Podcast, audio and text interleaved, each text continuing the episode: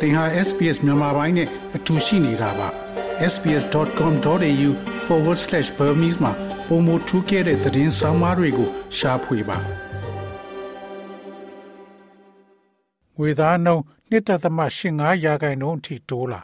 Reserve Bank သည်ငွေသားနှုန်းထားကို3.25ရာခိုင်နှုန်းအမှတ်မှ1.85ရာခိုင်နှုန်းသို့မြင့်တင်ခဲ့ပါသည်။ အဆိုပါနှုံထားသည်2023ခုနှစ်မေလကတည်းကအမြင့်ဆုံးဖြစ်ပါတယ်။စက်တင်ဘာလ3လပတ်တွင်9.3ရာခိုင်နှုန်းအထိရှိသောငွေကြေးဖောင်းပွားမှုကိုရှော့ချရန်စ조사ရန် RBA သည်မေလကတည်းကနှုံထားများကိုတိုးမြင့်ခဲ့တာဖြစ်ပါတယ်။ဘန်ဒါယီမူ Jim Chalmers က Reserve Bank သည်ယခုနှစ်တွင်ငွေကြေးဖောင်းပွားမှု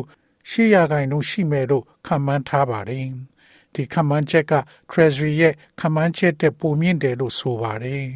။ယခုအခါ၎င်းတို့သည်ငွေကြေးဖောင်းပွားမှုအားယခုနှစ်ကုန်ထိ8ရာခိုင်နှုန်းခန့်အထွတ်ထိပ်သို့ရောက်ရှိရမျှော်လင့်နေပါတယ်။ Treasury ရဲ့မျှော်လင့်ချက်သည်ခုနှစ်ပုံလေးပုံနဲ့ပိုတူတော်လဲငွေကြေးဖောင်းပွားမှုနဲ့ပတ်သက်လာရင်အနေများသည့်စွမ်းအင်ဈေးကွက်တွင် ဖြစ်ပျက်နေတဲ့အရာများကို ပေးဆောင်သည့်နှင့်အထက်တွင်ရှိနေတယ်လို့အမြဲတမ်းပြောခဲ့ပါတယ်။ယူကရိန်းစစ်ပွဲရဲ့အကျိုးဆက်အနေဖြင့်အထူးသဖြင့်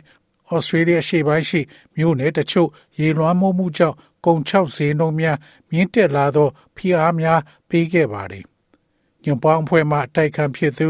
Angus Taylor ကအဆိုအသည်ငွေကြေးဖောင်းပွားမှုနဲ့အတိုးနှုန်းများကိုရှော့ချရန်ခြေခြေပြန့်ပြန့်အစီအစဉ်မရှိဘူးလို့ပြောဆိုသွားပါတယ်။ တောင်ကိုရီးယားဆိုးမြို့ဟယ်လိုဝင်းပွဲလူအုပ်ပြိုမှုကြောင့်သေဆုံးသူ150ကျော်ထိမြင့်တက်လာတောင်ကိုရီးယားနိုင်ငံဆိုးမြို့ရှိလူစီကားရညာပွဲလမ်းသပင်ဧရိယာတစ်ခု၌ပြုလုပ်တဲ့ဟယ်လိုဝင်းပွဲတစ်ခုအတွင်းလူအုပ်ပြိုမှုဖြစ်ပွားခြင်းကြောင့်သေဆုံးသူဦးရေသည်150ဦးထိရှိလာခဲ့ပါတယ် အဆိုပါဖြစ်စဉ်ဖြစ်ပွားမှုအတွက်တောင်ကိုရီးယားသမ္မတယွန်ဆော့ဂျောကအောက်တိုဘာလ30ရက်တွင်ဝန်내ခြင်းအထိမ်းအမှတ်ကာလကြေညာခဲ့ပါတယ်။ဟယ်လိုဝင်းပွဲလူအုပ်ပြူမှုအတွင်းသေဆုံးသူများထဲတွင် အများစုသည်ဆယ်ကျော်သက်များနှင့်အသက်20ဝန်းကျင်ရှိလူငယ်များဖြစ်ပြီးသေဆုံးသူများအတွက်ဝန်내စိတ်ထိခိုက်ရကြောင်းသမ္မတယုံကပြောဆိုပါတယ်။ ထို့အပြင်ဒဏ်ရာရသူများအမြန်ဆုံးပြန်လည်သက်သာစေရေး၎င်းကဆုတောင်းခဲ့ပါတယ်။နာမည်ကျော်အီတဝန်ရက်ွက် area တွင်ပျော်ပွဲဆင်နွှဲသောလူအုပ်ကြီးတစ်ခုကအောက်တိုဘာလ29ရက်ညပိုင်းတွင်လမ်းကြောင်းတစ်ခုထဲတရောဟောတိုးသူဖြစ်ခဲ့ကြောင်းအရေးပေါ်ကယ်ဆယ်ရေးဝန်ထမ်းများကပြောဆိုပါတယ်။သေဆုံးသူဦးရေထပ်မံမြင့်တက်လာနိုင်သေးကြောင်း၎င်းတို့ကပြောဆိုပါတယ်။ အဲဒီထဲမှာနိုင်ငံသား19ဦးအပါအဝင်လူ52ဦးသေဆုံးကြောင်းယောင်ဆန်မိသက်ဌာနအကြီးအကဲချွမ်ဆန်ဘွန်ကပြောဆိုပါတယ်။အဲ့ဒီနိုင်ငံသားများသေဆုံးမှုထဲမှာဩစတြေးလျကအသက်23နှစ်အရွယ်ဆစ်နီရုပ်ရှင်ထုတ်လုပ်ရေးလက်ထောက် Grace Rachel လည်းပါဝင်တယ်လို့သိရှိရပါတယ်။အေယာဝတီသတင်းဌာနလိုင်စင်ပိတ်သိမ်းခံရ အေယာဝတီသတင်းဌာနရဲ့သတင်းမီဒီယာလုပ်ငန်းလိုင်စင်နဲ့ထုတ်ဝေခြင်းလုပ်ငန်းတွေကို ပိတ်သိမ်းကြောင်းစစ်အာဏာရှင်ပြန်ကြားရေးဝန်ကြီးဌာနကအောက်တိုဘာလ29ရက်နေ့ကကြေညာခဲ့ပါတယ်။သတင်းအေဂျင်စီနဲ့ထုတ်ဝေခြင်းလုပ်ငန်းအသိမှတ်ပြုလက်မှတ်ရထားတဲ့ဦးသောင်းဝင်းဟာပုံနှိပ်ခြင်းနဲ့ထုတ်ဝေခြင်းလုပ်ငန်းဥပဒေပုံမှန်ပါစီကံချက်ကိုမလိုက်နာပဲနိုင်ငံတော်လုံခြုံရေးတရားဥပဒေစိုးမိုးရေးအများပြည်သူ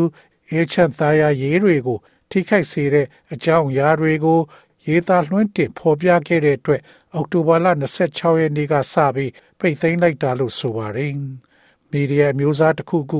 ဤပညာရက်တစ်ခုခုကိုအသုံးပြုပြီးရေးသားထုတ်လွှင့်တာတွေမလုပ်ဖို့ကိုလည်းစစ်ကောင်စီရဲ့ကြေညာချက်မှာရေးသားထားပါတယ်။အေယာဝတီသတင်းဌာနတာဝန်ရှိသူတွေကတော့စစ်တပ်က အာဏာသိမ်းပြီးကတည်းကသူတို့သတင်းဌာနကိုပြည်တွင်းမှာ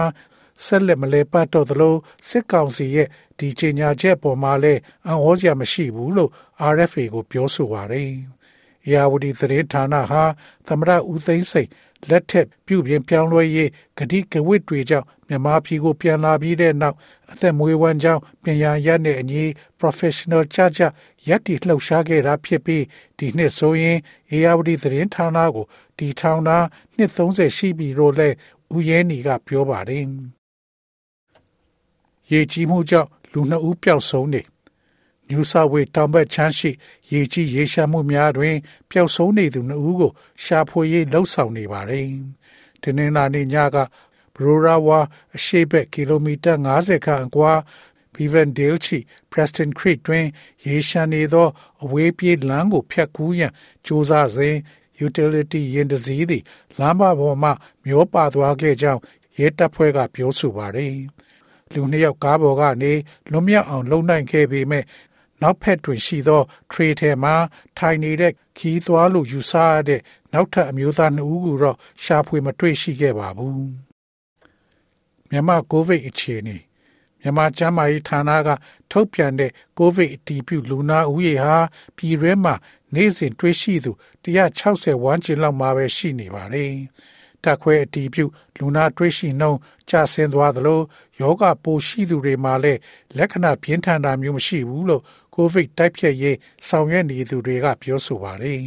။ထိုင်းနိုင်ငံကနေပြန်လာကြတဲ့မြန်မာရွှေပြောင်းလူသားတွေမှာကိုဗစ်ရောဂါပိုးရှိမရှိစစ်ဆေးပေးနေတဲ့ထိုင်းမြန်မာနယ်စပ်တာချီလိတ်မြို့ကဝမ်လုံ ကိုဗစ်စင်တာကမေတ္တာရှင်လူမှုကူညီရေးအသင်းတာဝန်ရှိသူတို့ကဒါနဲ့ပတ်သက်လို့ပြောဆိုပါတယ်။မြန်မာပြည်အထက်ပိုင်းမှာရာသီဥတုအေးလာတဲ့ဒဏ်ကြောင့်ရာသီတုပ်ကွေးလို့ယောဂါမျိုးအဖြစ်များလာပေမဲ့လူနာတွေမှာကိုဗစ်လက္ခဏာမတွေ့ရဘူးလို့ပြောဆိုပါတယ်။ယောဂါပိုးတွေ့ရှိသူနည်းသွားပေမဲ့ကပ်ယောဂစီမင်းတွေကိုတော့ဆက်ပြီးလိုက်နာနေတယ်လို့ရှမ်းပြည်မြောက်ပိုင်းနောင်ချိုမျိုးက တဖိုင်းကိုင်းပရာဟိတလူမှုရေးအသင်းတာဝန်ရှိသူတို့ကပြောဆိုပါတယ်။မြန်မာနိုင်ငံမှာကယောဂလှိုင်းတန်းတွေကိုခက်ခက်ခဲခဲရင်ဆိုင်ခဲ့ကြပြီးအစုလိုက်ကူးစက်မှုတွေနဲ့သေဆုံးသူဦးရေကလည်းသောင်းနဲ့ချီရှိခဲ့ပါတယ်။အခုလိုရာသီအကူအပြောင်းမှာအဖြစ်များတဲ့ယောဂတွေနဲ့ကိုဗစ်ကူးစက်တာလားဆိုတာကို ခွဲခွဲခြားခြားမစစ်ဆေးနိုင်တဲ့နေရာတွေလည်းအများကြီးရှိနေပါတယ်။ ကပ်ယောဂအတီးပြုလူနာတွေးရှိနှုံချဆင်းသွားတာဟာယောဂကာဝယ်ဆေးထုံထုံထားတာကြောင့်လည်းပါဝင်တယ်လို့ယောဂတိုက်ဖြတ်ရေးမှာပါဝင်ဆောင်ရွက်နေသူတွေကပြောဆိုပါတယ်။မြန်မာနိုင်ငံမှာ COVID-19 ရောဂါကာကွယ်ဆေးထိုးနှံပြီးသူဟာ38သန်းကျော်ရှိတယ်လို့ကျန်းမာရေးဌာနကတော့ထုတ်ပြန်ထားပါတယ်။ Visa နဲ့ Migration စနစ်အလွဲသုံးစားပြုမှုဆွဆွဲမှုများရှိနေ။ Australia နိုင်ငံရဲ့ Visa နဲ့ Migration စနစ်အတွင်း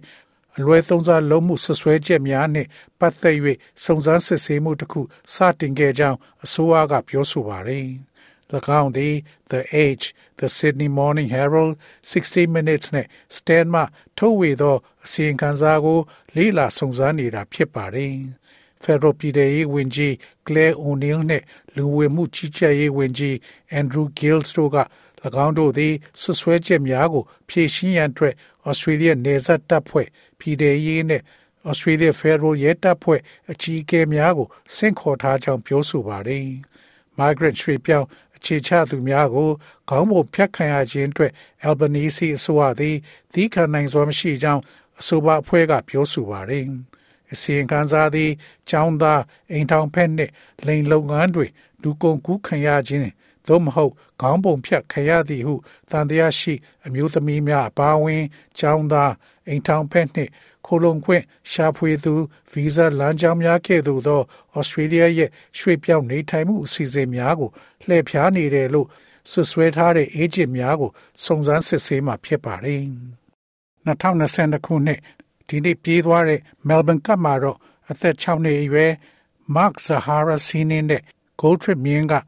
2022ခုနှစ် Melbourne Cup ကိုအနိုင်ရရှိသွားပါတယ်။ဒုတိယကတော့ Emissary နဲ့တတိယကတော့ High M Ocean ဖြစ်ပါတယ်။အနိုင်ရမယ်လို့ရေပန်းစားနေတဲ့မြင်း Deerville Legend ကတော့နံပါတ်၄နေရာကပဲဝင်ရောက်လာပါတယ်။ယခုဆက်လက်ပြီးသောရရှင်များကို Melbourne Cup ရဲ့အတိတ်ဘယ်ကဘာလဲဆိုတာကို တင်ဆက်ပေးမှာဖြစ်ပါတယ်။ Melbourne Cup သည် Australia ရဲ့အကျော်ကြားဆုံးမြင်းပြိုင်ပွဲတစ်ခုဖြစ်ပါတယ်။ နှစ်ပေါင်း160ကျော်ကြာ၎င်းသည်ကမ္ဘာအကောင်းဆုံးမြင်းများနဲ့မြင်းစည်းသူများကိုဂုဏ်ပြုတဲ့ပြိုင်ပွဲဖြစ်တဲ့အတွက်ကြောင့်လူအုပ်ကြီးကိုဆွဲဆောင်နိုင်ခဲ့ပါတယ်။ဒါပေမဲ့လည်းမြင်းပြိုင်ပွဲလုပ်ငန်းရဲ့ချင်းဝစ်တွေဒရိဆန်တွေသက်သာချောင်ချီရေးနဲ့လောင်ကစားမှုတွေအပေါ်မဲကွန်ထုတ်စရာတွေရှိနေပါတယ်။ Australia သည် November လရဲ့ပထမဆုံးအင်္ဂါနေ့မှာ Melbourne Cup မြင်းပြိုင်ပွဲကိုအစဉ်လာတိုင်းချီးရှုသူတွေကြောင့် နိုင်ငံကိုရပ်သွားစေသလိုဖြစ်ပါတယ်။အဲဒါကိုနိုင်ငံကိုရပ်တန်းစေမဲ့ပြိုင်ပွဲလို့အသိများပါတယ်။ Melbourne Cup သည်ပြိုင်ပွဲပြက်ကလေးရဲ့အထင်ရှားဆုံးဖြစ်ပြီးကဘာပေါ်တွင်ဂုံတိတ်ခါရှိဆုံးပြိုင်ပွဲများထဲမှတစ်ခုဖြစ်ပါတယ်။ Neil Wilson သည် Melbourne Cup ကိုတာဝန်ယူတဲ့ Victoria Racing Club ရဲ့ဥက္ကဋ္ဌဖြစ်ပါတယ်။ Melbourne Cup သည်မြင်းပြိုင်ပွဲတစ်ခုမျှသာဖြစ်တယ်ဆိုတာထက် ပိုမိုတယ်လို့သူကဆိုပါတယ် It's actually part of the culture and the fabric of Australia. It is also categorised as a major event. So, similar to things like the Grand Prix or the tennis Grand Slams. And interestingly, in Melbourne, it's a public holiday. ဒါဟာဩစတြေးလျနိုင်ငံရဲ့ယဉ်ကျေးမှုနဲ့ပေါင်းစပ်မှုရဲ့တစိတ်တစ်ပိုင်းပါ Grand Prix သို့မဟုတ် Tennis Grand Slam များကဲ့သို့သောအရာများနဲ့ဆင်တူသောကြောင့်အဓိကပွဲအဖြစ်အမျိုးအစားခွဲခြားထားပါတယ်စိတ်ဝင်စားစရာကောင်းတာက Melbourne မှာအစိုးရရုံးပိတ်ရက်ပါတကယ်တော့ Australia တဝိုက်မှာအရွယ်ရောက်ပြီးသူတိုင်းဟာပြိုင်ပွဲကိုရပ်နားထောင်တာဒါမှမဟုတ်ကြီးစုကြပါလိမ့်မယ် တကဘာလုံးမှာကြီးမားတဲ့ပြိုင်ပွဲတစ်ခုဖြစ်လာပါတယ်ကျွန်ုပ်တို့တွင်ကဘာတဝမ်းရှိလူသန်းပေါင်း950နီးပါးနဲ့နိုင်ငံပေါင်း160တွင် Melbourne Cup ရဲ့ပြည်သက်တွေရှိနေပါတယ် Melbourne Cup သည် Flemington Racecourse ရှိ Cup Day ရဲ့ခုနှစ်ချိန်မြောက်မြင်းပြိုင်ပွဲဖြစ်ပါတယ်၎င်းသည်ရက်သပတ်ကြာသော Melbourne Cup Carnival ရဲ့အဓိကအချက်ဖြစ်ပြီး Victorian Spring Racing Carnival ရာသီရဲ့အဓိကအချက်ဖြစ်ပါတယ်။ Neil Wilson က It is called the race that stops a nation because effectively it stops everyone in Australia at that time when the race is on. The running of the cup in ၎င်းကိုနိုင်ငံတစ်ခုအားရပ်တန့်စေသောပြိုင်ပွဲလို့ခေါ်ပါတယ်။ဘာကြောင့်လဲဆိုတော့၎င်းဟာပြိုင်ပွဲစတင်ချိန်တွင်ဩစတြေးလျရှိလူတိုင်းကိုထိထိရောက်ရောက်ရပ်တန့်စေသောကြောင့်ဖြစ်ပါတယ် အစောပိုင်းကာလများတွင် ဖလားပြိုင်ပွဲသည်ကမ္ဘာစစ်များကိုကြံ့ကြံ့ခံခဲ့ပြီးဩစတြေးလျတွင် စီးပွားရေးကဆိုင်ကာလမှာလည်းဖြတ်သန်းနိုင်ခဲ့ပါတယ်။မချသေးမီကကိုဗစ်ကူးစက်ရောဂါကိုလည်းဒီကပ်ကဖြတ်သန်းခဲ့ပါတယ်။ရာနဲ့ချီသောနေပယ်မှ Thoroughbred ခေါ်မျိုးစစ်မြင်း24ကောင်းသည်မီတာ3200ပြေးလန်းကို ပြေးရန်ဝင်ရောက်ပြန်ရတာဖြစ်ပါတယ်။ရှင်ပြန်ရန်မြင်းများသည် အနည်းဆုံးအသက်3နှစ်ရှိရမှာဖြစ်ပါတယ် Racing Victoria ရဲ့ထရိတ်ဆန်စီယာဝင်အထွေထွေမန်နေဂျာဒေါက်တာ Grace Forbes ကယခုလိုရှင်းပြပါတယ် The thoroughbred is a breed of horse and all horses that compete in thoroughbred horse racing have to be registered with the Australian stud book from birth. Thoroughbred ကိုမျိုးရိုးစစ်သောမြင်းမျိုးဖြစ်ပြီးမြင်းပြိုင်ပွဲတွင်ရှင်ပြိုင်သည့်မြင်းများအားလုံးသည်မွေးစားကလေးက Australian stud book တွင်စာရင်းသွင်းရမှာဖြစ်ပါသည်။ခွေးရှိုးပွဲများတွင်ရင်ပြိုင်တဲ့ခွေးများနှင့်ထပ်တူမကြဘဲ၎င်းတို့ရဲ့မျိုးရိုးကိုအတီးဖြူရန်သားဆက်မြင်းစာအုပ်ဖြင့်မှတ်ပုံတင်ရန်လိုအပ်ပါသည်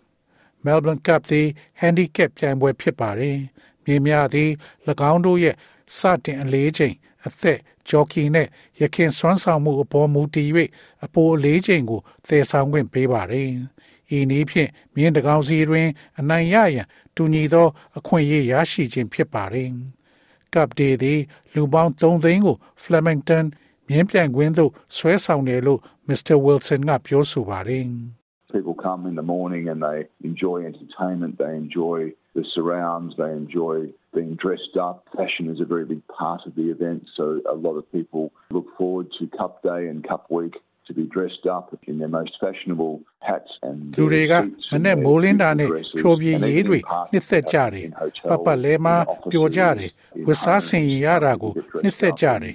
fashion ပွဲရဲ့အလွန်ကြီးမားသောအစိတ်ပိုင်းဖြစ်သောကြောင့်လူအများပြားသည်၎င်းတို့ရဲ့ fashion အချဆုံးအုတ်ထုပ်များ၎င်းတို့ရဲ့ဝတ်စုံများနှင့်၎င်းတို့ရဲ့လှပသောဝတ်စုံများကိုဝတ်ဆင်ရန် Cup Day နှင့် Cup Week ကိုစောင့်မျှော်နေကြပါသည်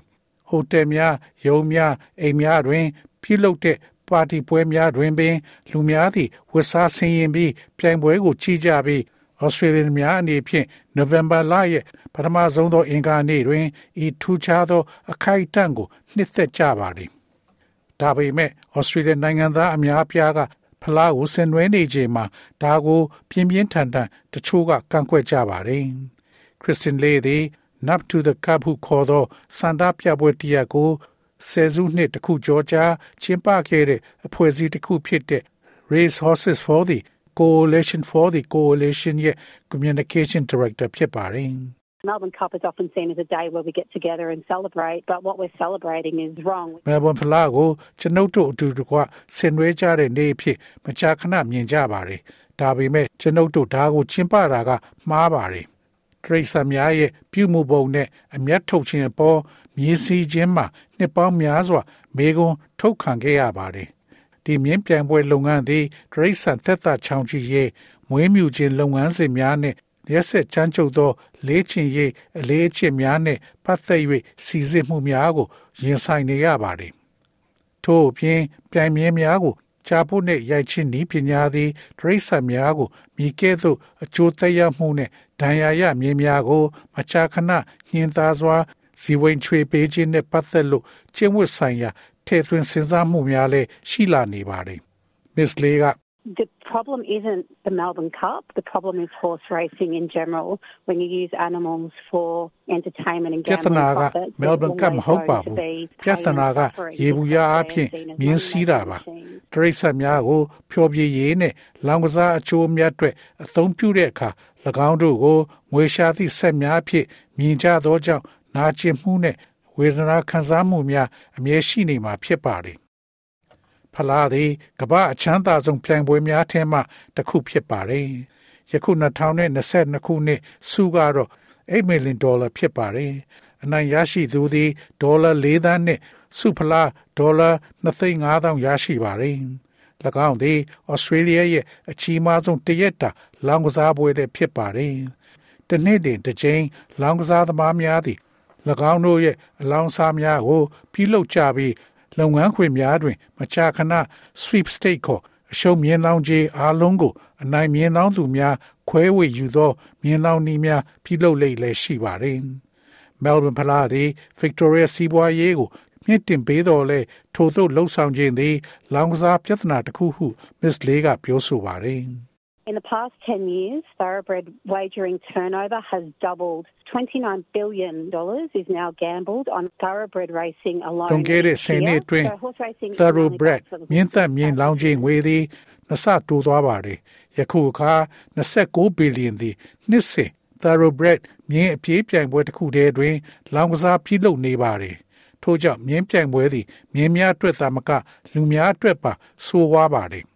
ပြိုင်မြင်းများကို ကာကွယ်ရေးညွန့်ပေါင်းဖွဲ့သည်နှစ်စဉ်ပြိုင်ပွဲများလမ်းကြောင်းပေါ်၌သေဆုံးသည့်အရေးအတွက်ကိုနှစ်ပေါင်းများစွာမှတ်တမ်းတင်ထားပါတယ်။ Well, horses killed on Australian racetracks on average every 2.5 days. Thousands more are taken away from the track injured and killed behind the scenes, and they're the ones we never learn about. In the last 10 years, eight horses have been killed at Flemington on Melbourne Cup Day. This is from injuries that they ဩစတြေးလျနိုင်ငံရှိမြင်းပြိုင်ခွင့်များတွင်ပြက်မြအားဖြင့်နှစ်တသမ9ရက်တိုင်းတွင်မြင်းတကောင်သေဆုံးပါတယ်။နောက်ထပ်ထောင်ပေါင်းများစွာသောဒဏ်ရာရမြင်းများနှင့်နောက်ကွယ်တွင်ဒဏ်ရာရသေဆုံးမှုများကို ပြိုင်ခွင့်များပေါ်မှဆင်ရင်မှဖယ်ထုတ်လိုက်ကြပြီး၎င်းတို့သည်ကျွန်ုပ်တို့ဘယ်သောအခါမှမလေးလာနိုင်သောစီးရင်များဖြစ်ပါသည်။လွန်ခဲ့သော10နှစ်အတွင်း Melbourne Cup Day တွင် Flemington ၌မြင်းရှိကောင်အသက်ခံခဲ့ရပါတယ်။ဒါက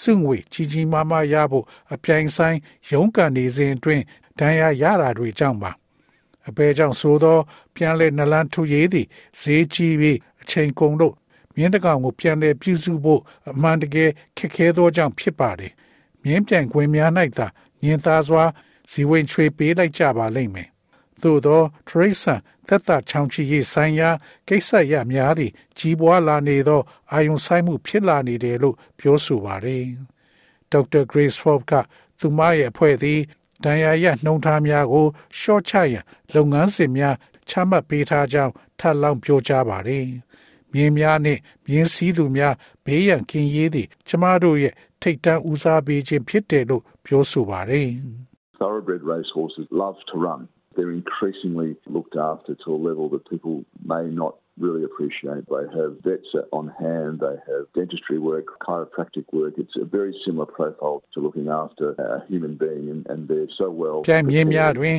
ပြင်းထန်သောဒဏ်ရာများဖြစ်နိုင်ခြေကိုလျှော့ချရန်2022ခုနှစ်အတွက်ဒရိဆန်ဆေးကုထုံးများအများအပြားရှိပါတယ်။ Melbourne Cup ပြိုင်ပွဲတွင်ပါဝင်ရှင်ပြိုင်ကြသောမြင်းများနှင့် Spring Racing Carnival တွင်ရှင်ပြိုင်ရန် Victoria သို့သွားရောက်မဲ့ နိုင်ငံတကာမြင်းများလည်းပါဝင်ပါတယ်။ကဘာတဝမ်းရှိပြိုင်မြင်းများပြိုင်ပွဲများတွင် ကျွန်ုပ်တို့တွင် အကောင်းဆုံးဘေးကင်းရေးမှတ်တမ်းရှိတော်လဲ၎င်းသည်ပုံမကောင်းမွန်အောင် ကျွန်ုပ်တို့အားမတားဆီးနိုင်ပါဘူး။ stress fracture သည်လူသားအားကစားသမားများကဲ့သို့မြင်းများတွင် တွေ့ရလေရှိသောဒဏ်ရာများဖြစ်ပါれ။ဆိုစီစွာသိရှိနိုင်မှုသည်အထူးကကြာကြောင်းဒေါက်တာ Forbes ကပြောဆိုပါတယ်။ We have a number of veterinary protocols for 2022 to reduce the risk of serious injuries in racehorses. both those competing in the Melbourne Cup and also the international horses that are travelling to Victoria to compete. အစောပိုင်းအဆင့်မှာဒဏ်ရာများကိုဖော်ထုတ်ရ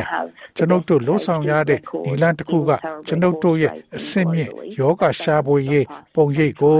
အသုံးပြုခြင်းဖြစ်ပါတယ်။ Victoria သည်ပြည်내အစိုးရနှင့်မြေများအတွက်ပထမဆုံးသော CT scan ကိုဝယ်ယူခဲ့ပါတယ်။မြေများတွင် အထွေထွေမေ့စေးလိုအပ်သောကြောင့် CT scan သည်မြေများတွင် ပြုလုပ်ရန်အလွန်ခက်ခဲပါတယ်။ဤဆက်အသစ်ဖြင့်ကျွန်ုပ်တို့သည်မြေများကိုရက်နေချိန်နိုးနေချိန်တွင် အလွန်အသေးစိတ် scan ဖတ်မှုများကိုလှုပ်ဆောင်နိုင်တဲ့အပြင်အလွန်မြန်ဆန်ပါတယ်။ယခုအခါ Spring Racing Carnival တွင် မရှင်ပြိုင်မီတွင် မတ်တက်ရက်နေသောမြင်ခန္ဓာကိုယ်ကို skin ဖတ်စစ်ဆေးခြင်းသည် မြင်တိုင်းအတွက်လိုအပ်ချက်တစ်ခုဖြစ်ပါတယ်။သို့သောတရိษံများကိုရက်ဆက်ချမ်းကျုပ်ခြင်းသို့မဟုတ်ပြဿနာလောင်ကစားခြင်းမပါဝင်ဘဲလူများဝတ်စားဆင်ရင်ပြီးအချိန်ကောင်းရရှိစေရန်တခြားနီလန်းများရှိကြောင်းမြင်းကာကွယ်စောင့်ရှောက်ရေးညွန်ပေါင်းအဖွဲ့ကအခိုင်အမာပြောဆိုပါတယ်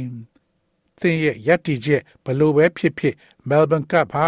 ဩစတြေးလျသမိုင်းနဲ့ယဉ်ကျေးမှုရဲ့တစိတ်တစ်ပိုင်းဖြစ်ပြီးအကျော်ကြားဆုံးမြင်းတွေနဲ့သူတို့ရဲ့အမွေနှစ်တွေကိုမြန်နိုးကြပါတယ်။သင်သို့မဟုတ်သစ်ချရသူသည် လောင်ကစားပြဿနာဖြစ်နေပါကသင်သည် လောင်ကစားမှုအကူအညီ online website ဖြစ်တဲ့ gamblinghelponline.org.au မှာတွားရောက်ကြည့်ရှုနိုင်သလို1800 858 858သို့ဆက်သွယ်ပြီးအကူအညီရယူနိုင်ပါတယ်။ဒါမှမဟုတ်131114 lifeline ကိုလည်းဖုန်းခေါ်ဆိုပြီးအကူအညီရယူနိုင်ပါတယ်။ကျမတို့ရဲ့လူမှုအတိုင်းဝိုင်းမှာယောက်ျားတွေဆိုတာဘလို့ကံကြမ္မာပဲကြုံရကြုံရကြက်ကြန့်ခိုင်နေရမယ်ယောက်ျားဆိုတာမငိုရဘူးဆိုပြီးတော့တင် जा ပေးလေရှိပါတယ်။ဒါပေမဲ့လူဘွားဆိုတာထင်သလိုဖြစ်မလာတာတွေ ဥပမာဩစတြေးလျနိုင်ငံမှာအခြေချနေထိုင်တဲ့အခါအဆင်မပြေမှုတွေကြောင့်စိတ်ခံစားမှုစောင့်တည်ရမရတာတွေအိမ်ထောင်ပြိုကွဲမှုတွေဖြစ်တာမျိုးတွေကြုံရနိုင်ပါတယ်။အဲဒီလိုအခက်အခဲတွေစိတ်ညစ်စရာတွေကြုံရတဲ့အခါမှာတခြားလူနဲ့ရင်ဖွင့်တိုင်ပင်ပြောဆိုမှုလုပ်တာတွေဟာအားပြော့ခြင်းလက္ခဏာမဟုတ်ဘဲအင်အားတောင့်တင်းခြင်းရဲ့လက္ခဏာတစ်ရပ်ဖြစ်တယ်လို့ကျွမ်းကျင်ပညာရှင်တွေကပြောပါတယ်။ ဩစတြေးလျနိုင်ငံမှာကောင်းမွန်တဲ့ဘဝအသစ်တစ်ခုကိုတည်ထောင်မယ်ဆိုတာဩစတြေးလျနိုင်ငံကိုအသိရောက်လာတဲ့လူတွေအများကြီးမဲ့ခက်ကြတဲ့အိမ်မက်တွေဖြစ်ပါတယ်။ဒါပေမဲ့စိတ်ကူးရင်အိမ်မက်အတိုင်းဖြစ်မလာတာတွေလည်းဖြစ်တတ်ပြီးတော့မိသားစုပြိုကွဲရတာမျိုးတွေလည်းဖြစ်နိုင်ပါတယ်။ Salterman Services International စီမံကိန်းရဲ့အကြီးအကဲ Jessica Harkins ဟာ Building Stronger Family ဆိုတဲ့အစီအစဉ်ကို New South Wales ပြည်နယ်က Relationship Australia အဖွဲ့နဲ့ပူးပေါင်းပြီးတော့အိမ်ထောင်ရေးအချစ်ရေးတွေမှာအကြမ်းဖက်နေသုံးခဲ့ကြတဲ့အသက်18နှစ်ကျော်အမျိုးသားတွေနဲ့ပူးပေါင်းလှုပ်ဆောင်နေကြတာဖြစ်ပါတယ်။အမျိုးသားတွေရဲ့အပြုအမူအတွေးအခေါ်ကိုပြောင်းလဲစေတဲ့အစီအစဉ်တွေကိုဩစတြေးလျနိုင်ငံမှာလွန်ခဲ့တဲ့အနှစ်20ကတည်းကစတင်လှုပ်ဆောင်လာတာဖြစ်ပြီးဆိုင်ရာလူတွေရဲ့ရိုးရာယဉ်ကျေးမှုနဲ့ကိုက်ညီတဲ့အစီအစဉ်တွေကိုလည်းချမှတ်ပေးပြီးတော့ ဩစတြေးလျနိုင်ငံအတွင်းမှာဖြစ်ပေါ်နေတဲ့အပြောင်းလဲမှုတွေမှာအမျိုးသားတွေလည်းနားလည်အောင်လှုံ့ဆော်ပေးနေတယ်လို့ပြောပါတယ်။ The reason that they're being adapted now is that there has been a lot of recognition that programs that are targeted for English speaking generally Anglo Australian culture often aren't able to capture or understand the needs of Australia နိုင်ငံကအမျိုးသားတွေဟာအဲ့ဒီလိုမျိုးအစီအစဉ်တွေနဲ့ယင်းနီးကျွမ်းဝင်မှုရှစ်သွားရတဲ့အကြောင်းရင်းကတော့အဲ့ဒီလိုအစီအစဉ်ကိုလူတွေကအတိအမှပြုကြသလိုအင်္ဂလိပ်စကားပြောတဲ့လူတွေရဲ့အတိုင်းဝိုင်းတွေမှာများများဆဆပြစ်မှတ်ထားလှုပ်ဆောင်ခဲ့တာတွေကြောင့်ဖြစ်ပါတယ်။ Australian လူဖြူအတိုင်းဝိုင်းတွေဟာအထွေထွေအားဖြင့်တော့တခြားဘာသာစကားတခြားရိုးရာယဉ်ကျေးမှုကနေဆင်းသက်လာတဲ့အမျိုးသားတွေရဲ့အနေအထားကိုသိပြီးတော့နားလည်လေးမရှိကြပါဘူး။တချို့လူတွေဟာဒီလိုအစီအစဉ်မှာပါဝင်လို့ကြပေမဲ့သူတို့အတွက်စကားပြန်မရှာပေးနိုင်လို့ပါဝင်ခွင့်မရတာမျိုးတွေလည်းဖြစ်ပေါ်နေတယ်လို့ပြောပြခဲ့ပါတယ်။ Building Stronger Families အစီအစဉ်ဟာ အာရဗီဘာသာတာမီးဘာသာစကားတွေနဲ့16ပတ်ကြာတင်နန်းတွေပို့ချပေးနေတာရှိပါတယ်။ We pick these communities because we have worked with these communities we have contacts in these communities we know that there is no evidence that any community အဲ့ဒီလူမှုအတိုင်းဝိုင်းတွေကိုရွေးချယ်ရတာကတော့ကျမတို့အနေနဲ့အဲ့ဒီလူမှုအတိုင်းဝိုင်းတွေနဲ့ပူးပေါင်းလုပ်ကိုင်တာတွေရှိခဲ့ဖူးလို့ပဲဖြစ်ပါတယ်သူတို့ရဲ့လူမှုအတိုင်းဝိုင်းနဲ့ဆက်ဆံမှုတွေရှိတဲ့အတွက်လည်းဖြစ်ပါတယ်။ ဘယ်လူမှုအတိုင်းဝိုင်းကအမျိုးသားတွေဟာပိုပြီးတော့အကြမ်းဖက်မှုလုပ်လေရှိတယ်ဆိုတဲ့တက်တဲ့အထောက်အထားတွေကျမတို့မှမရှိပါဘူးကျမတို့သိတာကတော့ပြည်ပကနေလာတဲ့အမျိုးသမီးတွေဒုက္ခသည်အဖြစ်ရောက်လာတဲ့အမျိုးသမီးတွေဟာ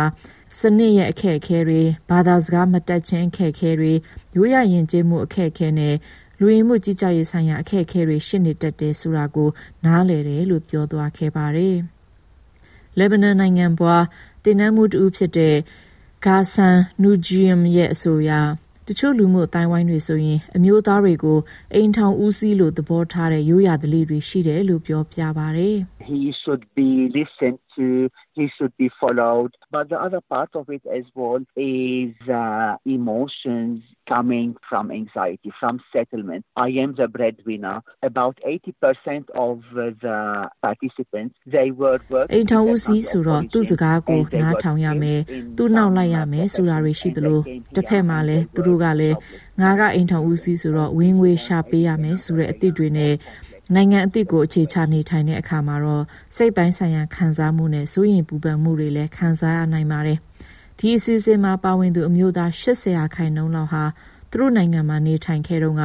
အလုလုကြသူတွေဖြစ်ပြီးဘာသာရတခုခုမှာကျွမ်းကျင်ကြသူတွေဖြစ်ခဲ့ကြပေမဲ့လည်းဩစတြေးလျနိုင်ငံကိုရောက်လာတဲ့အခါအလုတ်အကင်မရှိတော့တာတွေနဲ့တခြားအခြားသောများပြားလာတဲ့အကြောင်းအရာတွေကြောင့်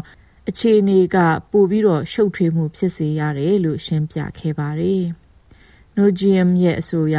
ရိုးရရင်ကျေးမှုကသတ်မှတ်ပေးထားတဲ့စံနှုန်းယုံကြည်မှုဓလေ့တွေနဲ့ယောက်ျားတွေအပေါ်ထားတဲ့မျောလင့်ချက်တွေစတဲ့ရှုပ်ထွေးပွေလှီးလာတဲ့အရာတွေအကြားမှာအမျိုးသားတွေဟာစိတ်ခံစားမှုတင်းကြတာမျိုးတွေဖြစ်ရတတ်တယ်လို့ဆိုပါတယ်။ဒါပေမဲ့အခက်အခဲတွေရှိတိုင်းဘ ဝကထင်းသလိုဖြစ်မလာတိုင်းအကြမ်းဖက်မှုတွေနဲ့တုံ့ပြန်ဖို့တော့မသင့်တော်ဘူးလို့လည်းသူကပြောပါတယ် If I cry I am not a man if I ask for help or if I am weak I am not a man so the perception of how they portray ကျွန်တော်ငိုရင်ယောက်ျားမဟုတ်ဘူးအကူအညီတွေလိုက်တောင်းခံရင်ကျွန်တော်ဟာအားနည်းတဲ့လူကျွန်တော်ဟာယောက်ျားမဟုတ်ဘူးဆိုပြီးမြင်ကြပါတယ်အဲ့ဒီလိုအမြင်တွေကအမျိုးသားတွေကိုအဲ့ဒီလိုအထင်မခံရအောင်ပြုမှုစေပါတယ် တကယ်တော့အမျိုးသားတွေဟာလည်းလူသားပဲဖြစ်လို့စိတ်ခံစားမှုအမျိုးမျိုးခံစားရနိုင်ပါတယ်အဲ့ဒီစိတ်ခံစားမှုတွေကိုအကောင်းဖက်ဆောင်တဲ့လမ်းကြောင်းဘက်ကိုမပို့နိုင်ရင်တော့တခြားလမ်းကြောင်းဘက်ကိုရောက်သွားမှာဖြစ်တယ်လို့ပြောဆိုခဲ့ပါတယ်။ South Australia Relationship Australia အဖွဲ့ရဲ့ The Good Life Project မှာခေါင်းဆောင်တူအနေနဲ့လှုပ်ဆောင်နေတဲ့ဒေါက်တာဆမ်ဘိုနဒီကတော့ အခက်အခဲတွေကိုသိအောင်လုပ်ပြီးတော့လက်ခံခြင်းဟာအကောင်းဖက်ကိုဥတည်တဲ့ပထမခြေလှမ်းဖြစ်ပြီးတော့အဲ့ဒီလိုကနေစိန်ခေါ်မှုတွေကိုရင်ဆိုင်သွားနိုင်တယ်လို့ပြောပါတယ် If the roles have been linked to people's identities there's suddenly some sort of loss of identity in a new place အကယ်၍မိမိရဲ့အလုပ်ကိုင်းနေထားကမိမိရဲ့ identity လို့ခံစားနေရရင်နေရအစ်စ်ကိုရောက်တဲ့အခါမှာအဲ့ဒီ identity ပျောက်သွားတယ်လို့ခံစားရနိုင်ပါတယ် ဒါပေမဲ့သဘောပေါက်ရမှာကတော့မိမိရဲ့အနေအထားပြောင်းလဲသွားတိုင်းမိမိရဲ့တန်ဖိုးကျဆင်းသွားတာမဟုတ်သလိုမိမိအနေနဲ့ဆက်လက်လုပ်ကိုင်နိုင်သေးတယ်ဆိုတာကိုလက်ခံပြီးတော့အပြောင်းလဲနဲ့အတူဆက်လက်နေထိုင်သွားဖို့လိုအပ်တယ်ဆိုတာကိုလက်ခံဖို့လိုတဲ့အကြောင်းပြောသွားခဲ့ပါတယ်။ The Good Life Project ဟာ Adelaide မြို့ကအာဖရိကလူမျိုးအမျိုးသားအမျိုးသမီးနဲ့လူငယ်တွေကိုအိမ်သွင်းအကြမ်းဖက်မှုနဲ့ဆက်ဆက်ပြီးပညာပေးတဲ့အစီအစဉ်ဖြစ်ပါတယ်။ ကောင်းမွန်တဲ့ဘဝခိုင်မာတဲ့မိသားစုဘဝတည်ထောင်ဖို့ဘာတွေလိုအပ်တယ်လဲဆိုတာကို လေ့လာကြတာဖြစ်ပြီးဒေါက်တာနေဒီကတော့လူမှုအတိုင်းဝိုင်းကလူတွေအနေနဲ့ဩစတြေးလျနိုင်ငံမှာအသားကျအောင်လှုပ်ဆောင်နေထိုင်နှုံးတခြားလူတွေရဲ့ဘဝအတွေ့အကြုံနဲ့အမြင်တွေကိုအတိအမှပြုတာမျိုးလုပ်တဲ့နယ်လို့တိုက်တွန်းထားသလိုတခါတလေအမျိုးသားနဲ့အမျိုးသမီးတွေရဲ့တာဝန်အနေအထားပြောင်းလဲသွားရတယ်ဆိုရင်လေ အဲ့ဒါကိုနားလည်လက်ခံပေးတာမျိုးတွေလုပ်နိုင်ဖို့လိုတယ်လို့ဆိုပါတယ် There is a common goal here there is a common vision here then people are more open to actually ဒီနေရာမှာတူညီတဲ့ရည်ရွယ်ချက်တွေတူညီတဲ့သဘောထားတွေရှိပါတယ်လူတွေကပို့ပြီးတော့တခြားအရာတွေကိုလည်းလေးလာကြည့်မယ်ဆိုတော့စိတ်ထားတွေကိုမွေးပြီးတော့ကောင်းပြီကျွန်တော်ကျမတို့ကြုံတွေ့နေရတာတွေကိုဘလို့ကင်သွဲဖြေရှင်းကြမလဲဆိုတာကိုကြည့်ရှုလာကြပါတယ် မိသားစုကိုပျော်ရွှင်စေခြင်းနဲ့ကလေးတွေကိုကြောင်းသွားစေခြင်းကြတယ်အလုတ်ကင်ကောင်းရခြင်းနဲ့အဲ့ဓာတွေကတနေ့နေ့မှာဖြစ်လာနိုင်တယ်ဆိုတဲ့စိတ်ထားမျိုးတွေဖြစ်ပေါ်စီလာတယ်လို့ပြောသွားခဲ့ပါတယ် Relationships Australia New South Wales အဖွဲ့ကပညာပေးမှုဆိုင်ရာမန်နေဂျာ Andrew King ဟာအမျိုးသားတွေရဲ့ကျန်းမာပျော်ရွှင်ရေးနဲ့ပတ်သက်လာရင်ကျွမ်းကျင်သူတူဖြစ်သလိုစာရေးစရာတူလည်းဖြစ်ပါတယ်။အဓိကအားဖြင့်တော့မိမိနဲ့ပတ်သက်လာရင်သားသမီးတွေကို ကိုကိုဘယ်လိုမြင်စေချင်တယ်လဲဆိုတာကိုစဉ်းစားပြီးတော့အပြောင်းလဲတွေလှုပ်ဆောင်နိုင်တယ်လို့ဆိုပါတယ်။ How do you want your children to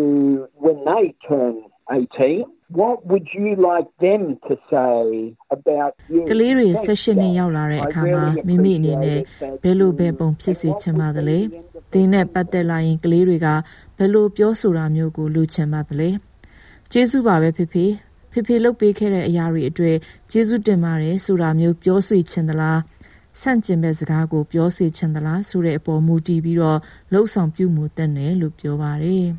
။ Ivory Coast ကနေ Australia နိုင်ငံမှာပြောင်းရွှေ့နေထိုင်သူ Isaac ဟာဥရောပတိုက်ကနေ Adelaide မြို့ကိုရောက်လာတဲ့လူတွေကိုသင်တန်းပို့ချတဲ့ The Good Life Project သင်တန်းမှုတူဖြစ်ပါတယ်။အဲ့ဒီလိုလောက်ရကနေသူကိုယ်တိုင်ဟာလည်းအမျိုးသားတွေရဲ့အနေအထားတွေကိုအများကြီးပို့ပြီးတော့နားလည်သဘောပေါက်စေတယ်လို့ပြောပါတယ်။ Usually there are few challenges because the system in Australia and the system back home are a little bit different. So we အများအဖြစ်တော့ Australia နိုင်ငံကစနစ်နဲ့ကျွန်တော်တို့နေထိုင်ခဲ့တဲ့နိုင်ငံတွေရဲ့စနစ်တွေကမတူညီကြတဲ့အတွက်စိန်ခေါ်မှုတချို့ရှိပါတယ်။ အဲ့ဒီတော့ပြောဆိုဆွေးနွေးကြတဲ့အခါမှာတယောက်ချင်းဖြစ်စေအဖွဲ့လိုက်ချင်းဖြစ်စေပြောဆိုကြပြီးတော့ဩစတြေးလျနိုင်ငံမှာဘယ်လိုအခြေအနေရှိတယ်ဘယ်လိုလောက်ရတွေကလက်ခံနိုင်စရာဟုတ်တယ်ဘယ်လိုအရာတွေကလက်မခံနိုင်စရာတွေဖြစ်တယ်ဆိုတာတွေကိုရှင်းပြလေးရှိတဲ့အကြောင်းပြောပြပါရစေ။ Andrew King ရဲ့အဆိုအရယောက်ျားဆိုတာဘလို့ပဲပုံဖြစ်ရမယ်ဆိုတာတွေနဲ့ကြီးပြင်းလာရတဲ့အမျိုးသားတွေဟာကြီးလာတဲ့အခါမှာအဲ့ဒီလိုအတိုင်းပြုမှုနေထိုင်တတ်ကြတယ်လို့ဆိုပါတယ် Men have learned really to hide those feelings. Sadly, as you grow older and in relationship, it is important to share your feelings. It's actually not a sign of weakness. It's actually မျိုးသားတွေကသူတို့ရဲ့ စိတ်ခံစားချက်တွေကိုမျိုးသိပ်ဖွဲ့ထားတာမျိုးတွေလောက်တက်လာပါတယ်။ဒါပေမဲ့စိတ်မကောင်းစရာတစ်ခုကတော့အသက်ရလာတာနဲ့အမျှပြီးရင်ချစ်သူအိမ်ထောင်ဘက်တွေရလာတာနဲ့အမျှစိတ်ခံစားမှုတွေကိုပို့ပြီးတော့ဖော်ပြဖို့လိုအပ်လာပါတယ်။ဒီလိုစိတ်ခံစားမှုကိုဖော်ပြတာဟာပြုတ်နှဲ့ခြင်းလက္ခဏာတော့မဟုတ်ပါဘူးစိတ်ခံစားမှုကို ထုတ်ဖော်ပြောဆိုတာဟာကြန့်ခိုင်မှုရဲ့လက္ခဏာ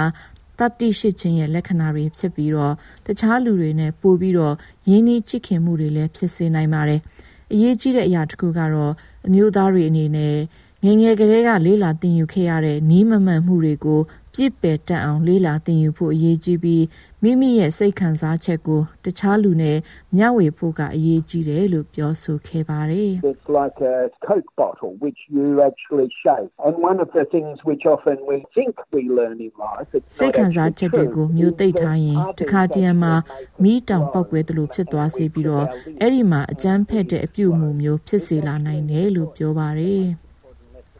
စိတ်ခံစားချက်ကိုမျိုးသိပ်မှုများလို့ရင် လှုပ်ခါမှုများလာတဲ့ကုတ်အချိုရည်ဘူးတဘူးလို့ဖြစ်စေပြီးတော့ကျွန်တော်တို့ဘဝမှာလေးလာတင်ယူခဲ့ရတာတွေက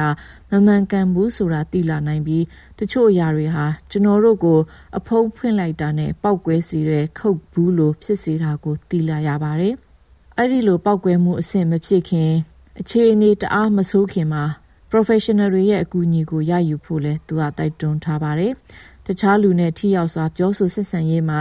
စိတ်အေးစွာထားရှိခြင်းတခြားလူတွေရဲ့အမြင်နဲ့သဘောထားတွေကိုလေးစားခြင်းတွေအပြင်ကိုယ့်ရဲ့အမြင်နဲ့ကိုယ့်ရဲ့ခံစားချက်ကိုအတိအမှပြုခြင်းတွေဟာလည်းထိရောက်တဲ့ဆက်ဆံရေးနည်းတွေဖြစ်တယ်လို့ပြောပါတယ် It's often good to sit down because your energy is more centered. Be relaxed. If you're going to have an important discussion with someone, try to make sure that you have not used any တ intoxicating ခြားလူနဲ့အရေးကြီးတဲ့စကားပြောဆိုတော့မယ်ဆိုရင်တခါတလေမှထိုင်နေတာကပိုကောင်းပါတယ်။အဲဒီလိုထိုင်နေတာက energy တွေကိုပိုစုစည်းစေပြီးတော့ပိုပြီးတော့လည်းတက်တောင့်တက်တာဖြစ်စေပါတယ်။အဲဒီလိုအချိန်မျိုးမှာအရက်သေးစာတောက်တုံမှုကိုရှောင်ရှားတင်ပါတယ်။ အရက်သေးစာတောက်ထားရင်အတွေးအခေါ်ရှုပ်ထွေးနိုင်တဲ့အတွေ့အခြေအနေပိုဆိုးသွားတာမျိုးတွေလည်းဖြစ်စေနိုင်ပါတယ်။အဲဒီလိုဆွေးနွေးပွဲတွေဟာရှေ့ရေးအတွက်ကြိုတင်ပြင်ဆင်ရေးဆွဲခြင်းဖြစ်ပါတယ်။ရှေ့ဆက်မှာဘယ်လိုပြောင်းလဲလှုပ်ဆောင်မလဲ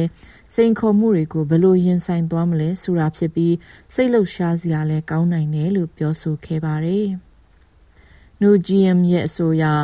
Building Stronger Family အစီအစဉ်ကနေ တချို့လူတွေရဲ့အပြုအမူပြောင်းလဲသွားတာမျိုးတွေရှိတယ်လို့ပြောပါတယ်။ Their family life has changed. Their quality of life has changed. For example, a man with သူတို့မိသားစုတွေရဲ့ဘဝပြောင်းလဲသွားပါတယ်။သူတို့ဘဝရဲ့အရေးအသွေးကလည်းပြောင်းလဲသွားပါတယ်။ဥပမာမိသားစုနဲ့အမြဲတမ်းရန်ဖြစ်တဲ့အမျိုးသားတစ်ယောက်ဟာဆိုရင်အိမ်ထောင်ကွဲပြီးတော့ဟိုတယ်မှာပဲနေထိုင်ခဲ့ပေမဲ့အခုဆိုရင်သူ့ရဲ့စိတ်ခံစားချက်ကို ကင်တွယ်တက်လာပြီးတော့မိသားစုစီပြန်လာနေပြီးတော့ဇနီးတဲ့နဲ့အမြင်မတူလဲပဲအတူတူနေထိုင်လှုပ်ဆောင်နိုင်တယ်ဆိုတာကိုသိလာနေပြီလို့ပြောပြပါတယ်။ဒေါက်တာအန်ဒီရဲ့အဆိုအရအိမ်တွင်းအကြမ်းဖက်မှုကို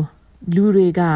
ကဲ့ရဲ့ရှုံချကြပေမဲ့လဲအဲ့ဒါကိုပြုပြင်ပြောင်းလဲဖို့ဆိုတာ ပွင့်လင်းစွာပြောဆိုဆွေးနွေးခြင်းနဲ့လုံခြုံဘေးကင်းစွာဖေးမှကူညီခြင်းတွေကသာအဓိကဖြစ်တယ်လို့ပြောပါတယ် even in terms of understanding what even family and domestic violence looks like because a lot of people understand um, domestic violence as physical aspect of it in terms of hitting someone and all that but also being able to have conversations around မိသားစုအတွင်းအကြမ်းဖက်မှုအိမ်တွင်းအကြမ်းဖက်မှုဆိုတာဘယ်လိုပဲပုံရှိတယ်ဆိုတာကိုလူတွေအားလုံးမသိကြပါဘူးကိုထိလက်ရောက်ရိုက်နှက်မှုလောက်ပဲလူတွေကမြင်ကြပါတယ်အမှန်တော့အိမ်တွင်းအကြမ်းဖက်မှုဆိုတာစိတ်ပိုင်းဆိုင်ရာအကြမ်းဖက်မှု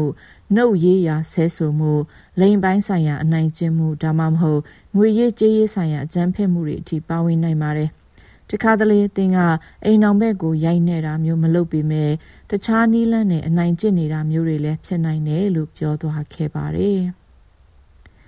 Isaac ကလည်းအခက်အခဲကြုံရတဲ့အမျိုးသားတွေအတွက်အကူအညီရယူနိုင်တဲ့နေရာတွေရှိတယ်လို့ပြောပါတယ်။ Be strong, just move on. Things have changed. You come to a new country.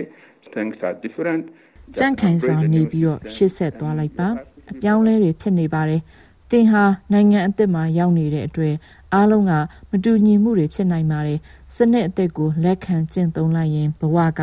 ပိုပြီးတော့တာယာကောင်းမွန်လာလိမ့်မယ်လို့ပြောဆိုခဲ့ပါတယ် Relationships Australia ဟာ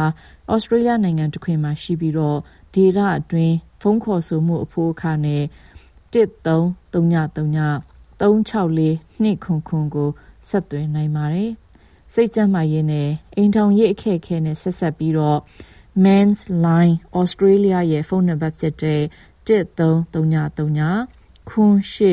ကိုကိုခွန်ရှိကိုလည်း24နာရီပတ်လုံးဖုန်းခေါ်ဆိုနိုင်ပါတယ်။ ဘာသာစကားအခက်အခဲရှိရင်ဘာသာပြန်တဲ့စကားပြန်ဌာန Translating and Interpreting Service ရဲ့ဖုန်းနံပါတ်ဖြစ်တဲ့1314 939ကိုဖုန်းဆက်ပြီးမိမိချိတ်ဆက်လိုတဲ့ဌာနကိုချိတ်ဆက်ပေးဖို့မိမိရဲ့ဘာသာစကားနဲ့တောင်းခံနိုင်တယ်လို့ရေးထားတဲ့အေမီချန်ယူဝမ်ရဲ့ဆောင်းပါးကိုတင်ဆက်လိုက်ပါရရှင် prostate cancer ခေါ် CJ cancer အသေးစားဖြစ်နေတဲ့အမျိုးသားတွေကို အမြဲတမ်းလို့လို့သေချာစောင့်ကြည့်ဖို့အတွက်ပြက်ကွက်နေတယ်လို့စမ်းစစ်မှုအသေးအရသိရှိရပါတယ်။ခွဲစိတ်ကုသဖို့မလိုတဲ့စီးကျိတ်ကင်ဆာဖြစ်နေတဲ့အမျိုးသားတွေကိုစောင့်ကြည့်တဲ့အစီအစဉ်အောက်မှာထားရှိပြီးသူတို့ကိုဆေးကန်းတွေကသွေးစစ်တာနဲ့ဘာအိုပစီခေါ်သားမြင့်ကိုထုတ်ဓာတ်ခွဲကမ်းမှာဆန်းစစ်တာတို့ကိုလှုပ်ဆောင်ပေးရမှာဖြစ်ပါတယ်။ဒါပေမဲ့ Melbourne Monash တက္ကသိုလ်ကပြုလုပ်တဲ့ဆန်းစစ်မှုအရအငယ်စားသို့မဟုတ်နှေးကွေးစွာကြီးထွားလာနေတဲ့ prostate cancer ဖြစ်နေတဲ့အမျိုးသား၄ယောက်မှာ၃ယောက်ကသေချာစွာစောင့်ကြည့်တာကို မခံရတာတွေ့ရှိရတယ်လို့ဆိုပါတယ်။ prostate cancer ဖြစ်နေပြီလို့တွေးရတာနဲ့ဝင်ဆွတ်ဖက်တဲ့ခွဲစိတ်ကူးသမှုမျိုးလုပ်ရဖို့ဖြစ်လာပြီးဒါကဘေးထွက်ဆိုးကျိုးတွေရှိပါတယ်။ဒါပေမဲ့အခုခါမှာတော့ လှုပ်ထုံးတုံနည်းတွေကပြောင်းလဲသွားပြီဖြစ်တဲ့အတွက်အငယ်စားကင်ဆာဖြစ်နေတဲ့အမျိုးသားတွေမှာခွဲစိတ်စရာမလိုတော့ပဲနိုးကြားတက်ကြွတဲ့စောင့်ကြည့်မှုလို့ခေါ်တဲ့အစီအစဉ်အောက်မှာထားရှိပေးတာဖြစ်ပါတယ်။ဒီအစီအစဉ်ထဲမှာပါဝင်တာကတော့နှစ်နှစ်အတွင်းမှာသွေးစစ်တာသုံးကလောက်ရပြီးဒီနောက်မှာဘာပစီကိုအသားမြင့်ကိုဓာတ်ခွဲကမ်းမှာဆန်းစစ်တာတို့ဖြစ်ပါတယ်။ ဒါပေမဲ့ဒီအစီရင်ခံစာကို တွဲဘက်ပြုစုသူ တွဲဘက်ပေါမောက္ခဒီကလန်မာဖီပြောတာကတော့6နှစ်ကျော်အတွင်းမှာအမျိုးသား1600ကိုခြေရာခံလိုက်ကြည့်ရမှာတော့အများစုကသေချာစွာစောင့်ကြည့်မခံရတာကိုတွေ့ရတယ်လို့ဆိုပါတယ်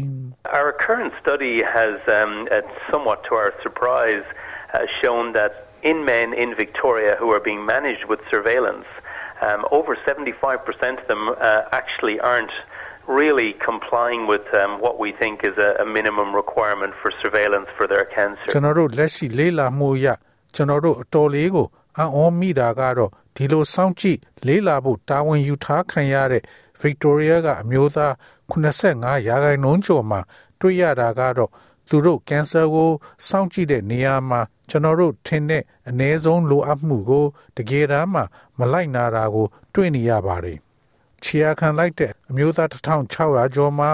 433ယောက်ကသာသေချာစွာ အချိန်မီသွေးစစ်တာနဲ့ဘာအိုပစီလို့စောင့်ကြည့်မှုကိုခံရတယ်လို့ဆိုပါတယ်။ Melbourne က McAllen Cancer Center က urologist Dan Murphy ပြောတာကတော့အဲ့ဒီအမျိုးသားတွေကိုတစိမ့်တစ်ပိုင်းအဖြစ်တင်ရမယ်လို့ဆိုပါတယ် I suspect that the blame lies um, not just within patients not turning up for investigations, but perhaps also uh, hospitals or clinicians not having good systems in place to remind patients that they should have a blood test from time to time uh, and they do need a, a further biopsy of their prostate from time to time. ဆန်းစစ်မှုခံဖို့အတွက်မပေါ်လာတဲ့လူနာတွေကိုပဲအပြစ်တင်လို့မရဘူးဆိုတာကိုကျွန်တော်တို့သဘောပေါက်မိပါတယ်။လူနာတွေမကြာခဏဆိုသလိုသွေးစစ်တင်တာနဲ့ အဲ့ဒါရဲ့နောက်ဆက်တွဲဘာပစီကိုတစ်ချိန်ကနေတစ်ချိန်လှုပ်တင်နေဆိုတာတို့ကိုဆေးရုံတွေနဲ့ဆေးကန်းတွေကအသိပေးတဲ့အစီအစဉ်မရှိလို့ဖြစ်နိုင်ပါတယ်။ prostate cancer ဟာ Australia ရဲ့အမျိုးသားလူထုကြားမှာများသောအားဖြင့်ဖြစ်တတ်တဲ့ကင်ဆာလို့အသိမှတ်ပြုထားခံရပြီးကင်ဆာကြောင့်သေဆုံးတဲ့နေရာမှာတတိယနေရာအများဆုံးကင်ဆာဖြစ်ပါတယ်။အသက်85နှစ်ရောက်တဲ့အခါ အမျိုးသား6ယောက်မှာတယောက်က prostate cancer ဖြစ်တာကို တွေ့ရှိနိုင်ပြီးအတော်များများကအသက်65နှစ်ကျော်တဲ့အခါမှာဖြစ်တတ်ပါတယ်။ယောဂလက္ခဏာတွေမှာပါဝင်နိုင်တာက မကြာခဏစီးသွားတာအထူးသဖြင့်ညအခါမှာစီးသွားတဲ့အခါမှာလဲနာကျင်တတ်တာသို့မဟုတ်တင်ပဆုံရုပ်နာကျင်တာတို့ဖြစ်ပါတယ် ယောဂကကျေပြန့်တဲ့အခါမှာမကြာခဏဆိုသလိုအယိုးတို့ပြန့်နှံ့သွားရင်တော့အယိုးနာကျင်တာသို့မဟုတ်ရှင်းပြလို့မရတဲ့ကိုလေးချိန်ကြာဆင်းတာနဲ့ပင်ပန်းနွမ်းနေတာတို့ကို ဖြစ်စေနိုင်ပါတယ် prostate cancer ကိုတွေးရှိနိုင်တာက prostate specific antigen သို့မဟုတ် PSA လို့ခေါ်တဲ့အရေးကို သွေးစစ်တာကနေတိုင်းတာခြင်းဖြင့်သိရှိနိုင်ပါတယ်။ PSA အဆင့်မြင့်တက်နေရင်တော့ ဒါက prostate ပြဿနာသို့မဟုတ် cancer ရှိတဲ့ဆိုတာကို ထောက်ပြနေတာဖြစ်နိုင်ပါတယ်။နိုးကြတဲ့စောင့်ကြည့်မှုအစီအစဉ်အောက်ကအမျိုးသားတွေနားလည်ဖို့လိုအပ်တာကသူတို့ cancer ကပိုဆိုးလာနိုင်တဲ့ဆိုတာကိုသဘောပေါက်ဖို့လိုအပ်ပြီးဒါကြောင့်ပုံမှန်စောင့်ကြည့်နေဖို့လိုအပ်တယ်လို့ Declan Murphy ကဆိုပါတယ် In that same group of patients whose cancer does not look aggressive and can be managed with surveillance Uh, about 20 to 30 percent of these patients over the following five years will have their cancer reclassified to a more aggressive type, uh, and therefore the advice will change, and those men should consider treatment. But if the patients are not uh, having the appropriate surveillance, then we may lo- lose that opportunity to identify this 20 or 30 percent of patients in whom the cancer changes. သူတို့ကင်ဆာကမပြင်းထန်ဘူးလို့ထင်ရတဲ့ ဒီလူနာအဖွဲ့ထဲမှာစောင့်ကြည့်တာနဲ့ထိမ့်သိမ်းထားနိုင်ပြီးအဲ့ဒီလူနာတွေထဲက20ကနေ30ရာခိုင်နှုန်းလောက်ကနောက်9နှစ်လောက်ကြာတဲ့အခါမှာသူတို့ကင်ဆာကိုပုံမပြင်းထန်တဲ့ကင်ဆာလို့ပြန်လို့သတ်မှတ်နိုင်ပြီးဒါကြောင့်သူတို့အနေနဲ့ကုသဖို့စဉ်းစားဖို့လိုအပ်မယ်လို့အကြံပေးတာကို ပြောင်းလဲလို့ပေးနိုင်ပါတယ်ဒါပေမဲ့လူနာကတင့်လျော်တဲ့စောင့်ကြည့်ထားမှုကိုမရဘူးဆိုရင်20သို့မဟုတ်30ရာခိုင်နှုန်းသောလူနာတို့မှာ သူတို့ကင်ဆာကပြောင်းလဲသွားတာကိုဖော်ထုတ်နိုင်မဲ့အခွင့်အလမ်းတွေကိုကျွန်ုပ်တို့လက်လွတ်သွားနိုင်ပါတယ်။သောတာရှင်များခင်ဗျာမြည်သည့်ကင်ဆာမဆိုးကစောစည်းစွာသိရှိခဲ့ရင်ပျောက်ကင်းအောင်ဒါမှမဟုတ်ဒီထက်ပိုမဆိုးအောင်ကုသနိုင်တဲ့နည်းတွေကပေါ်ပေါက်လာနေပြီဖြစ်တော်လဲမိမိကိုယ်တိုင်ကအသက်65နှစ်ကျော်လာတဲ့အခါမှာဂယုမဆိုင်ဘူးဆိုရင်တော့ နောက်ပိုင်းမှာအသက်သေးဆုံးတဲ့အထိဖြစ်နိုင်ပါကြောင်းပြောဆိုရင်ဘာသာပြန်တင်ဆက်ပေးလိုက်ရပါတယ်ခင်ဗျာဒါမျိုးသတင်းဆောင်မတွေကိုပိုနားဆင်လိုပါလား Apple Podcast Google Podcast Spotify တို့မှာသင်ပင်ရာဖြစ်ဖြစ်ရယူတဲ့ podcast ကနေပါ